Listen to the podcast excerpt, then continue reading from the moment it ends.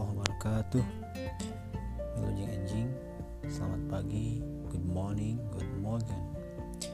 Untuk semua siswa-siswi kelas 11 TBSM SMK Negeri Darangden Berjumpa lagi dengan Bapak Muhammad Rian Sandi dalam pembelajaran PPKN Baiklah, hari ini kita temanya masih membahas tentang peran Indonesia dalam menjaga perdamaian dunia melalui hubungan internasional.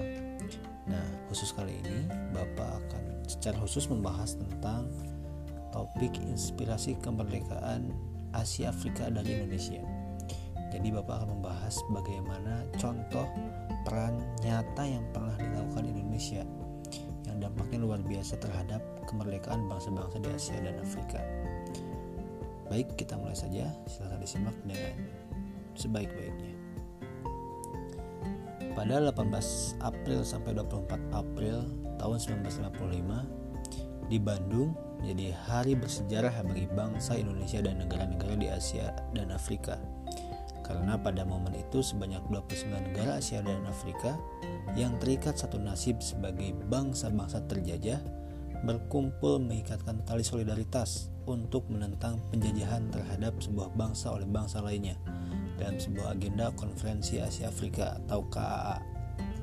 Saat itu, negara Indonesia baru merdeka 10 tahun dan dari 29 negara peserta Konferensi Asia Afrika, mayoritas juga baru merdeka dan beberapa negara lain masih ada yang masih terjajah.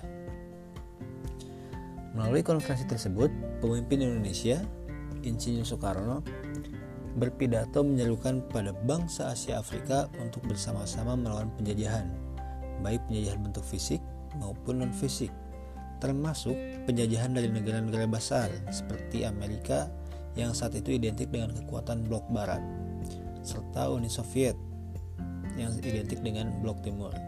Kini Uni Soviet sudah tidak ada ya, adanya Rusia sebagai sisa dari negara Uni Soviet. Saat itu, antara blok barat dan blok timur terjadi perang dingin atau perang non-fisik. Mereka tidak terjadi kontak senjata, tidak ada tembak-tembakan, tapi mereka saling berebut pengaruh ideologi, politik, dan ekonomi dari negara-negara lainnya. Jadi Amerika dan Uni Soviet ini berebut pengaruh nih supaya negara-negara lain, negara-negara kecil jadi bagian kelompok mereka. Nah, Soekarno saat itu menyerukan bangsa Asia Afrika untuk berada di posisi non-blok, tidak memihak blok barat dan timur demi menciptakan perdamaian dunia.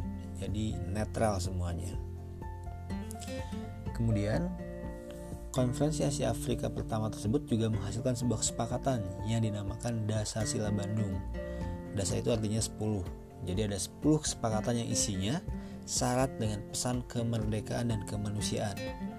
Spirit of Bandung atau semangat Bandung berdampak pada berkobarnya daya juang bangsa-bangsa yang masih terjajah untuk merdeka di Asia Afrika. Mereka percaya bahwa setiap bangsa memiliki hak yang sama untuk menentukan nasibnya sendiri, seperti tersirat disebut dalam Dasa Sila Bandung. Alhasil, menurut sejarawan J.J. Rizal, sebanyak 79 negara baru merdeka setelah pelaksanaan KAA, termasuk negara Maroko yang merdeka pada tahun 1956. Sebelumnya, Maroko adalah negara yang dijajah oleh Prancis. Nah, itulah cerita singkat mengenai contoh peran besar yang pernah dimainkan Indonesia dalam menjaga perdamaian dunia melalui pelaksanaan Konferensi Asia Afrika. Bisa bayangkan kan betapa dahsyatnya peran Indonesia melalui penyelenggaraan Konferensi Asia Afrika. Kita tuan rumah menyelenggarakan KA, kemudian Konferensi Asia Afrika tersebut bisa berdampak pada lahirnya 79 negara baru di Asia dan Afrika.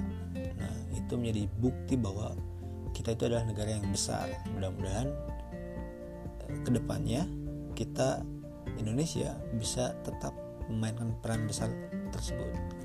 Demikian sekilas tentang pelaksanaan Konferensi Asia Afrika yang menjadi bukti bahwa Indonesia menorehkan inspirasi kemerdekaan bagi bangsa lain di Asia dan di Afrika.